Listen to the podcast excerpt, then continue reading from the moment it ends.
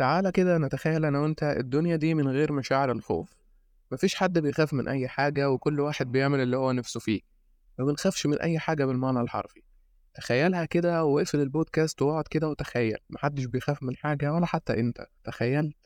هتلاقي إن الدنيا دي عبارة عن فوضى، كل واحد بيعمل اللي هو عايزه، سواء كان صح أو سواء كان غلط، ما حدش بيعمل اعتبار لأي حاجة، ما حدش بيعمل حسابات لأي حاجة، ولا بنلوم نفسنا ولا بننقد نفسنا. ولا بنراجع نفسنا على أي حاجة، قاعدين كده وبنعمل كل حاجة بمنتهى السهولة، لأن ما فيش خوف خلاص، بنعمل كل حاجة بمنتهى الجرأة. طب أنت تحب إن أنت تعيش في دنيا عاملة كده؟ تحب إن أنت تعيش في دنيا كل واحد بيعمل الغلط وهو مش خايف أصلًا من الغلط ده ولا خايف أصلًا من النتايج اللي ممكن تيجي له من وراه؟ فالخوف ده شعور فطري فينا، الخوف ده شعور طبيعي جدًا لازم كلنا نعيشه، لازم كلنا نشعر بيه، بس ماذا لو الشعور ده زاد عن حده؟ ماذا لو الخوف ده هو اللي بقى يتحكم فينا؟ بقينا خايفين إن إحنا نفشل، خايفين إن إحنا نخرج من الدايرة اللي إحنا فيها، خايفين إن إحنا نتعامل مع ناس، خايفين إن إحنا ندخل في دايرة جديدة، خايفين إن إحنا نروح وظيفة، خايفين إن إحنا نتعامل، خايفين إن إحنا نتحط في مكان جديد وما نكونش قد المكان ده. خوف من الفشل بشكل غريب جدًا، وده اللي بنقول عليه كده الخوف الزائد عن حده. بس الخوف ده نتعامل معاه إزاي؟ في حاجات كتير لازم تركز عليها وأنت بتخاف من الفشل. مش هاقول لك كلام تقليدي سمعته كتير جدًا لأن المصادر دلوقتي بقت كتيرة جدًا وسهل إن أنت تعرف الأسباب دي، بس هاقول لك حاجات عن تجربة شخصية. أول حاجة لازم تركز على الحاجة اللي أنت تقدر تتحكم فيها، ركز على إلتزامك، ركز على مجهودك أنت، ما تركزش على النتايج. أنا واحد من الناس اللي فترة من الفترات كنت باركز على النتايج وبس، لكن مش باركز على الحاجة اللي أنا أملكها. النتيجة دي في الأول والآخر بتاعة ربنا سبحانه وتعالى، إحنا لا نملك فيها أي شيء، ربنا هو اللي بيكرمنا في الآخر، ربنا هو اللي بيعوضنا خير في الآخر، فإحنا لا نملك النتيجة دي خالص ولا في إيدينا أصلًا إن إحنا نغيرها. إحنا كل اللي إحنا بنعمله بس إن إحنا بنحاول وبنجتهد وبنلتزم. يعني مثلًا لو معاك شغل وحابب إن أنت تترقى فيه، حابب إن أنت تخلص التاسكات اللي عليك بس خايف برضه من فكرة إن أنت تفشل فيها، اعمل اللي عليك وادخل جوه التاسكات دي ودخل نفسك في المود ده واشتغل.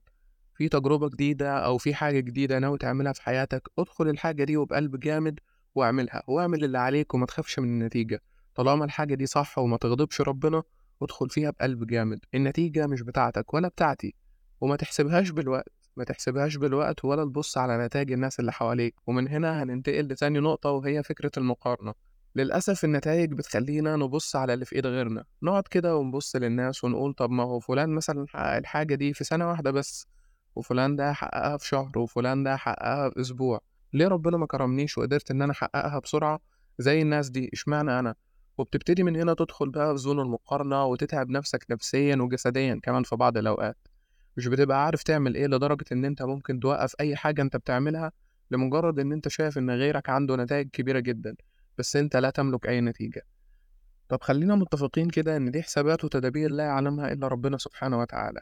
يعني أنا أخدت الحاجة دي أو ربنا كافئني بالحاجة دي في الوقت ده، مش فكرة إن أنا أفضل منك أو أنا التزمت أو اجتهدت أكتر منك، أنت ممكن تكون بتجتهد وبتلتزم أكتر مني، بس ربنا شايلها لك في المرحلة الصح، في الوقت الصح اللي تقدر تتعامل فيه مع حاجة زي كده.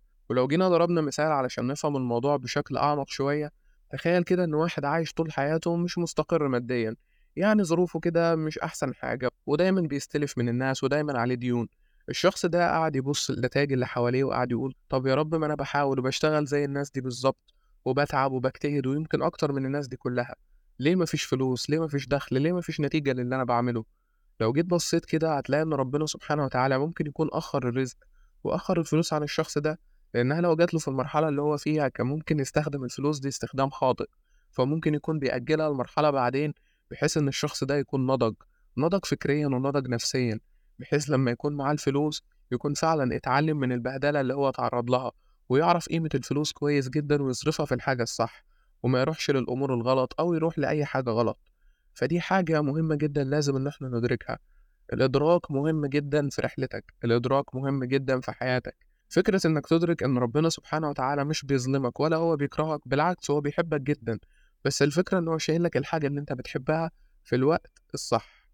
عشان كده عايزك تلغي فكرة المقارنة من قاموسك تمامًا، وفكرة الخوف مش باطلب منك إنك تلغيها لأن هو مش زرار، أنت مش زرار هتدوس عليه كده هتلاقي نفسك ما بقيتش تخاف، وما بقيتش تخاف إن أنت تواجه أي حاجة، لأ خالص، الفكرة وكل ما فيها بس إن الموضوع بيجي بالتدريج بالتمرين إن أنت تمرن نفسك إنك مش مطلوب منك حاجة غير إنك تعمل اللي عليك وبس التزم واجتهد في الحاجة اللي أنت فيها ولو خايف إن أنت تقرب منها أصلا حاول على قد ما تقدر إنك تخلي الموضوع ماشي بالتدريج.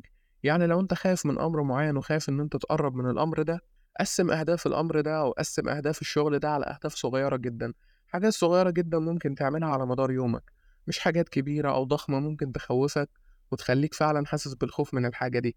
لا قسمها على هوايات أو حاجات بسيطة ممكن تعملها على مدار يومك.